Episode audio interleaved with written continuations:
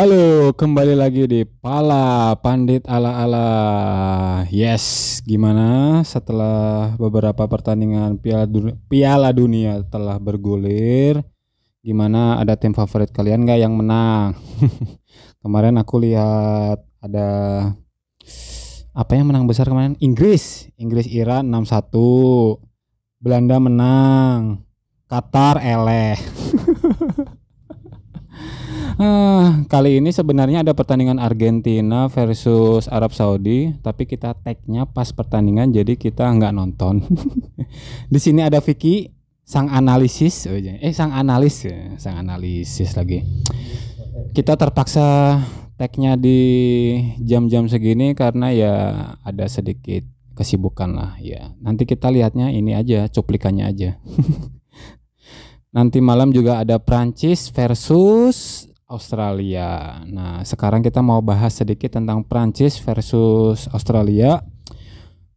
Vicky lagi siap-siap atau udah mantap?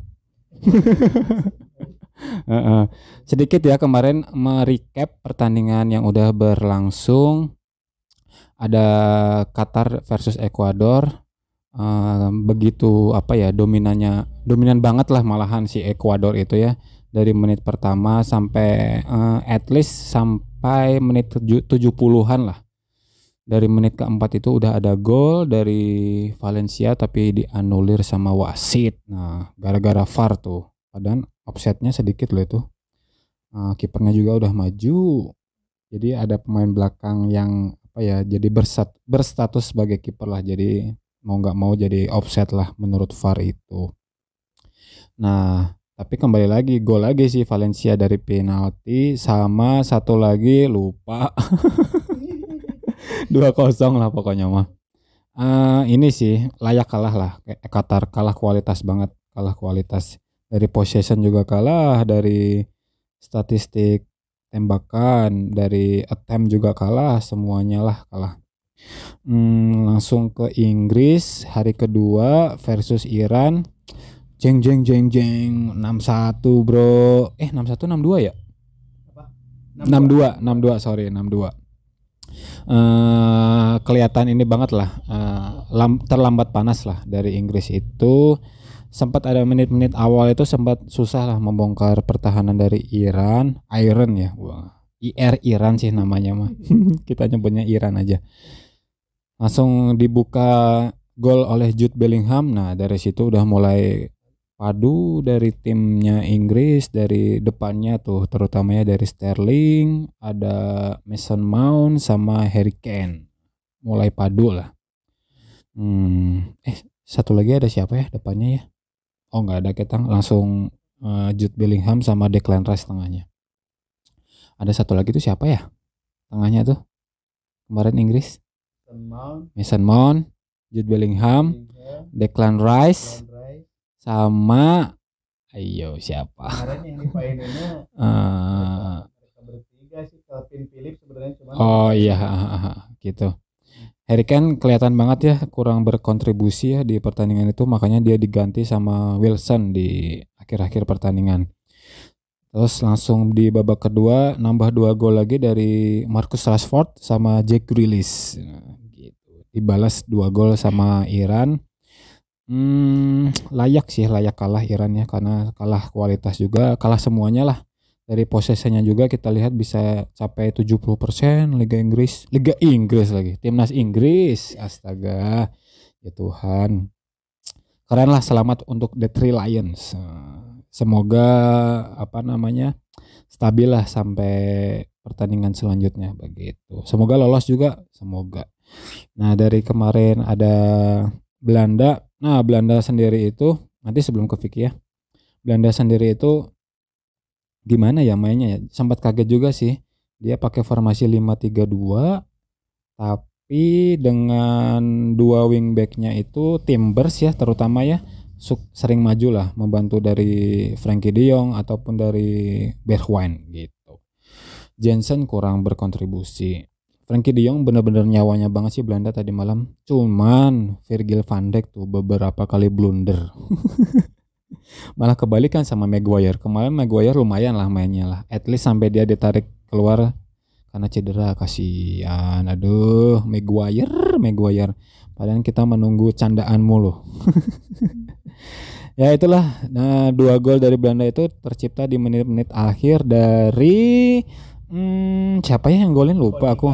Cody Gakpo sama ya Klasen itu uh, rebound dari Memphis Depay.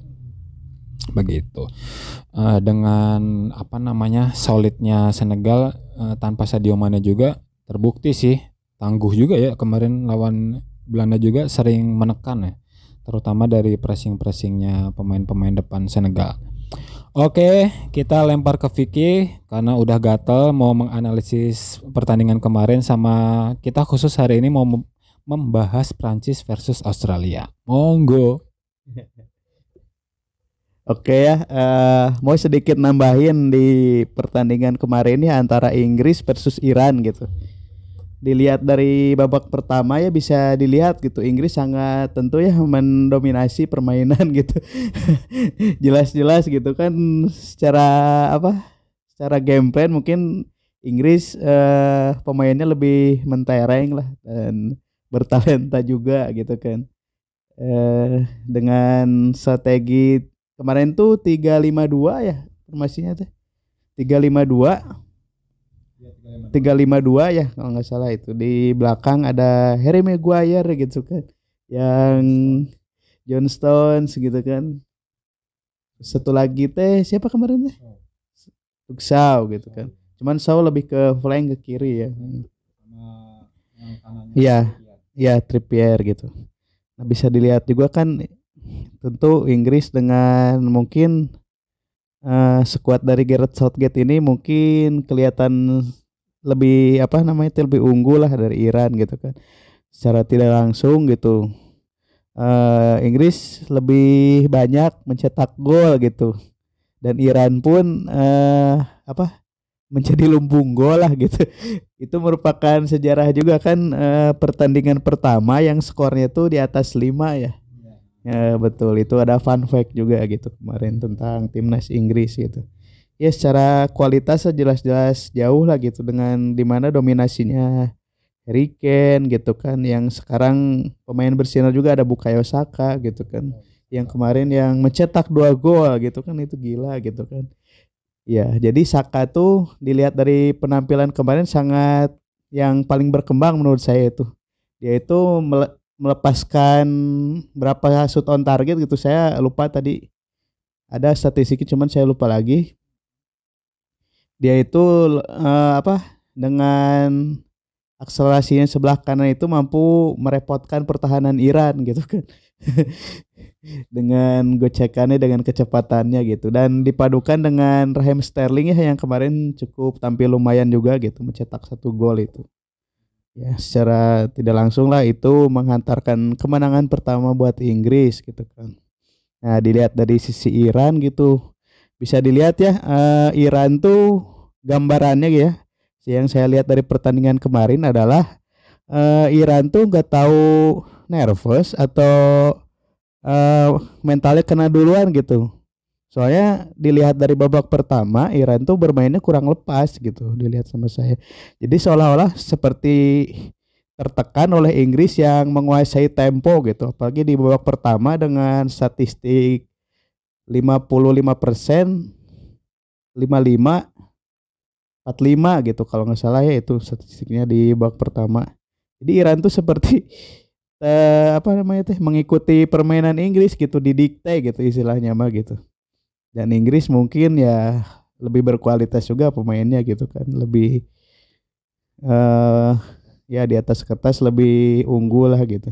Sementara Iran kan dengan ya mungkin pelatih Carlos Queiroz itu uh, pelatih yang menurut saya gitu ya dari analisa analisa taktiknya dia menerapkan taktik yang terlalu pragmatis lah gitu. Terlalu monoton untuk apa aliran serangan dari belakang ke depan terus build up build up play-nya emang gak kelihatan gitu dari Iran kemarin gitu kan. Ap apalagi ditambah dengan pemainnya yang mungkin ya eh, apa kurang berkompeten juga gitu untuk menurut saya gitu ya untuk berada di level Inggris gitu. Kan di mana pemain itu bisa dilihat ketika uh, pemain itu ingin berkembang dilihat dulu itu pemainnya bermain di klub mana gitu kan. Kalau misalkan pemain ingin berkembang gitu uh, biasanya dia bermain di liga-liga elit Eropa misalkan di Liga Jerman mungkin Liga Inggris gitu kan Liga Spanyol di mana yang secara kualitas dalam tanda kutip itu merupakan apa sepak bola modern dan mengandalkan visi misi yang jelas gitu dalam bermain sepak bola gitu bukan hanya fisik-fisik lari-lari gitu doang gitu jadi ada apa ada kurikulum baru lah pengalaman baru untuk lebih jauh melihat taktikal gitu di yang ada di Liga Eropa gitu kan nah itu yang saya lihat dari kemarin kan ada beberapa pemain Iran yang bermain di Liga Inggris gitu. Yang pertama ada pemain sayapnya itu ada Ali Reza Jahan Bahas kan itu. Dia bermain di waktu itu di Brighton ya. Brighton sekarang nggak tahu bermain di mana tuh dia. Terus sama kemarin tuh striker tuh siapa namanya tuh? Serdar Azmon ya. Azmon ya seperti dia itu dua pemain itu tidak kelihatan gitu dan kurang memberikan kontribusinya lah untuk timnya gitu ya mau gimana lagi gitu kan emang kalah kualitas gitu ya good luck aja lah buat Inggris dan buat Iran juga jangan patah semangat lah gitu. Masih ada dua pertandingan lagi ke depan gitu kan untuk bahan evaluasi bagi Carlos Queiroz gitu kan untuk lebih mematangkan lagi strateginya. Dan good luck juga buat Gareth Southgate gitu kan yang mampu memecahkan rekor di pertandingan pertama mencetak banyak gol gitu di atas lima gol gitu kan. Seperti itu gitu kan. Ya gitu aja mungkin Bang Meru dari saya Pak analisis pertandingan kemarin nih tipis-tipis Inggris Irannya gitu. Kalau Belanda gimana? Belanda kemarin. Oh nonton nggak? Ah ketiduran ya oh iya iya. Terlalu malam juga sih. Itu gimana sih Qatar? Majuin lah kayak Argentina atau jam 5 eh tapi jangan jangan jam 5 juga kita susah nontonnya Oke, kalau dari Prancis sendiri yang tanpa Karim Benzema, oh so, sorry sorry, tapi sebelum Prancis kita bahas dulu nih fun fact nih. Kita baru tahu ya karena kita sebelumnya belum riset ya. Ternyata di Piala Dunia sekarang itu uh, extra time-nya itu oh, iya. lebih dari lima menit, terutama yang di awal-awal eh di awal di Qatar sama Ekuador tuh di atas 10 menit. Nah, di pertandingan kedua ada yang 8 menit, at least di atas lima menit lah gitu kan. Ada ini enggak ada fun fact menarik nggak? Coba Fik. oh ya ini ya ada sedikit perbedaan atau aturan baru ya yang berada di Piala Dunia kali ini gitu. Yaitu uh, kita bisa melihat gitu kan di sini ada komite wasit komite wasit yang mengatur di Piala Dunia ini adalah itu uh, dari Pierluigi Collina yang dulu itu sempat menjadi wasit terbaik di era tahun 2002 kalau nggak salah ya. Dan itu dia sekarang menjabat sebagai uh, komite wasit Piala Dunia 2022 ini gitu. Jadi dia tuh sengaja uh, saya lihat di laman bola.com gitu ya. Dia uh, membuat aturan seperti ini karena uh, dia ingin lebih melihat dan uh, apa melihat dan uh, merubah pertandingan itu untuk lebih lama lagi gitu. Jadi kemarin kan ada 45 plus 8 gitu kan babak pertama. Jadi kalau di totalin itu sekitar 53 menit yaitu untuk lebih apa si pemain tuh agar lebih eh terlihat lagi lah eh kualitasnya uh, dan apa ya yang biar biar ini mungkin uh, kan itu kan jatah pemainnya banyak. Oh, iya. jadi mungkin bisa kebagian lah istilahnya gitu ya. Lanjut Fik. Oh ya ya terutama ya buat itu juga gitu uh, karena aturan di segi, di sini balik lagi ke pembahasan tadi ya uh, menerapkan enam kali pergantian pemain dalam satu pertandingan gitu kan dan uh, apa jadi uh, si pergantian pemain itu yang asalnya tiga sekarang berubah menjadi enam gitu Nah, dibuatlah aturan seperti uh, ada tambahan waktunya gitu extra time jadi lama gitu di 8 menit. Dan untuk apa tadi eh, intinya mah dia per, tiap pertandingan itu uh, untuk lebih memaksimalkan lah. Jadi uh, kalau misalkan 45 menit itu kadang pemain tuh kurang lepas atau kurang apa gitu kan ada strategi yang mungkin biasanya dari menit segini ke menit segini strategi apa gitu kan. Menit ke, ke 30 ke sampai 40 strateginya gimana dan nah seperti itu. Jadi jadi lebih ke mobilitas strategi lah. Jadi ada tambahan waktu yang lebih lama untuk lebih jauh eksplorasinya mungkin pelatih ke pemainnya gitu. Dan ini merupakan aturan yang baru ya mungkin yang harus bisa diadaptasi lah oleh semua pemain yang ada di Piala Dunia Qatar kali ini gitu kan. Oke, mungkin kurang lebihnya seperti itu. Semoga inilah para pemainnya yang tampil di Piala, Dunia itu kebagian semua. Jadi biar ngerasain atmosfer Piala Dunia. Nah, kita masuk ke pertandingan Prancis versus Australia. Nah, kita kan lagi ini ya, apa namanya?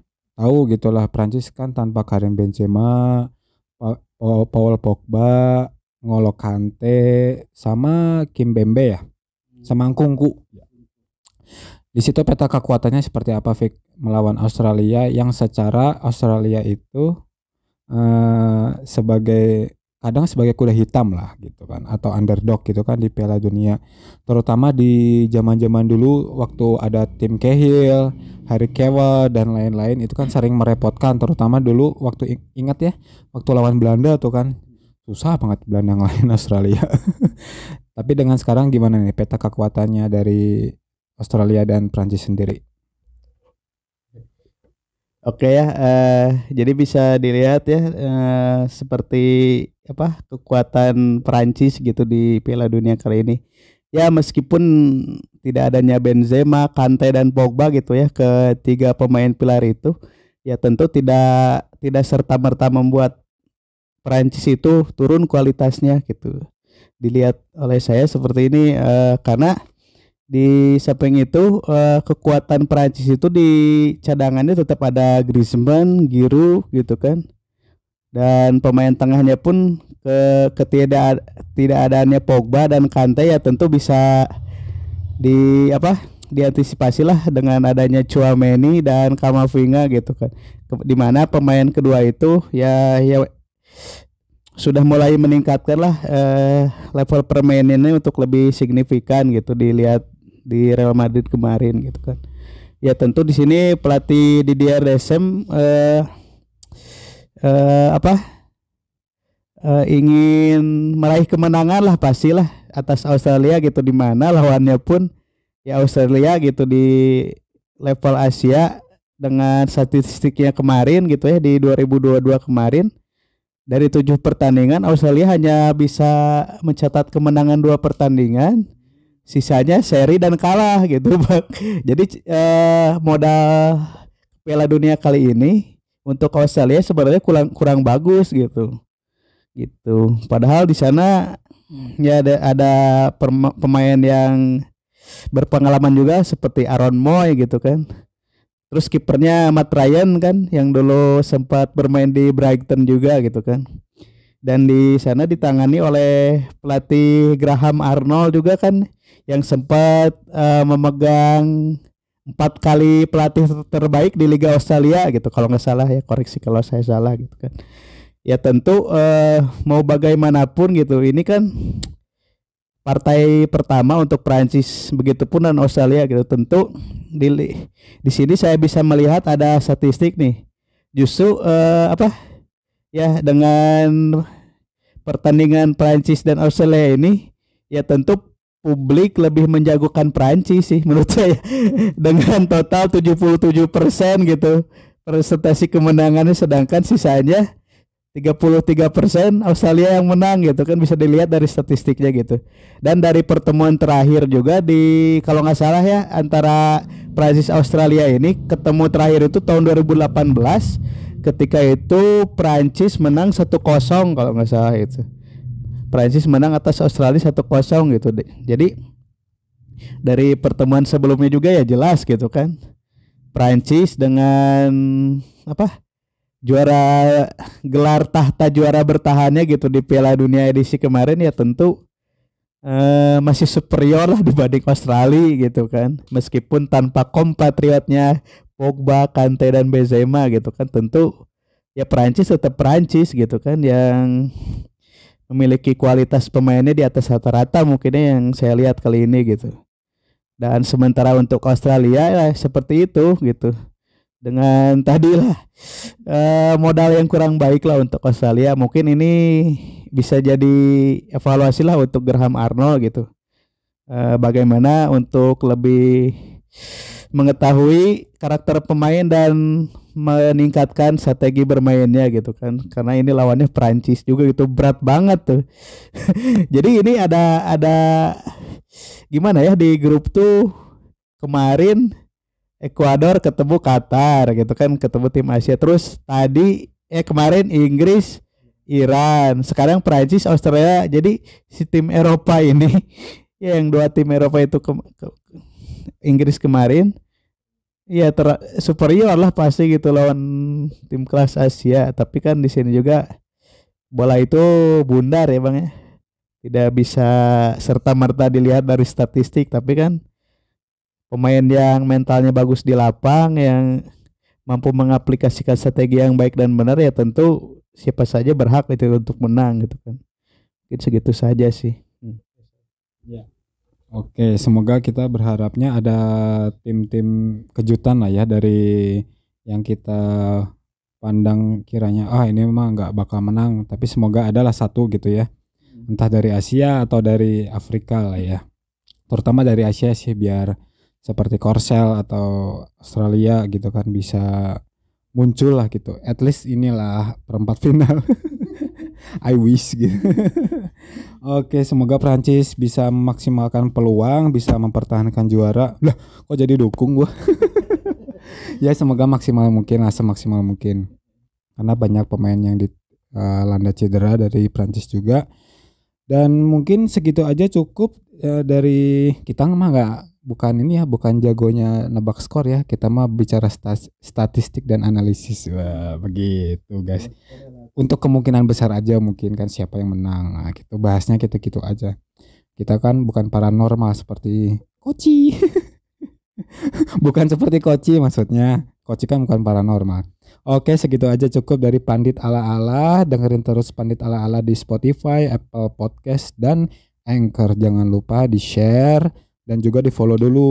Dengerin ke temen-temennya. Ini nih ada nih pembahasan bola ala ala ngoceh ala-ala tentang sepak bola. Oke, Merzo, Vicky pamit. Selamat menyaksikan Piala Dunia selanjutnya.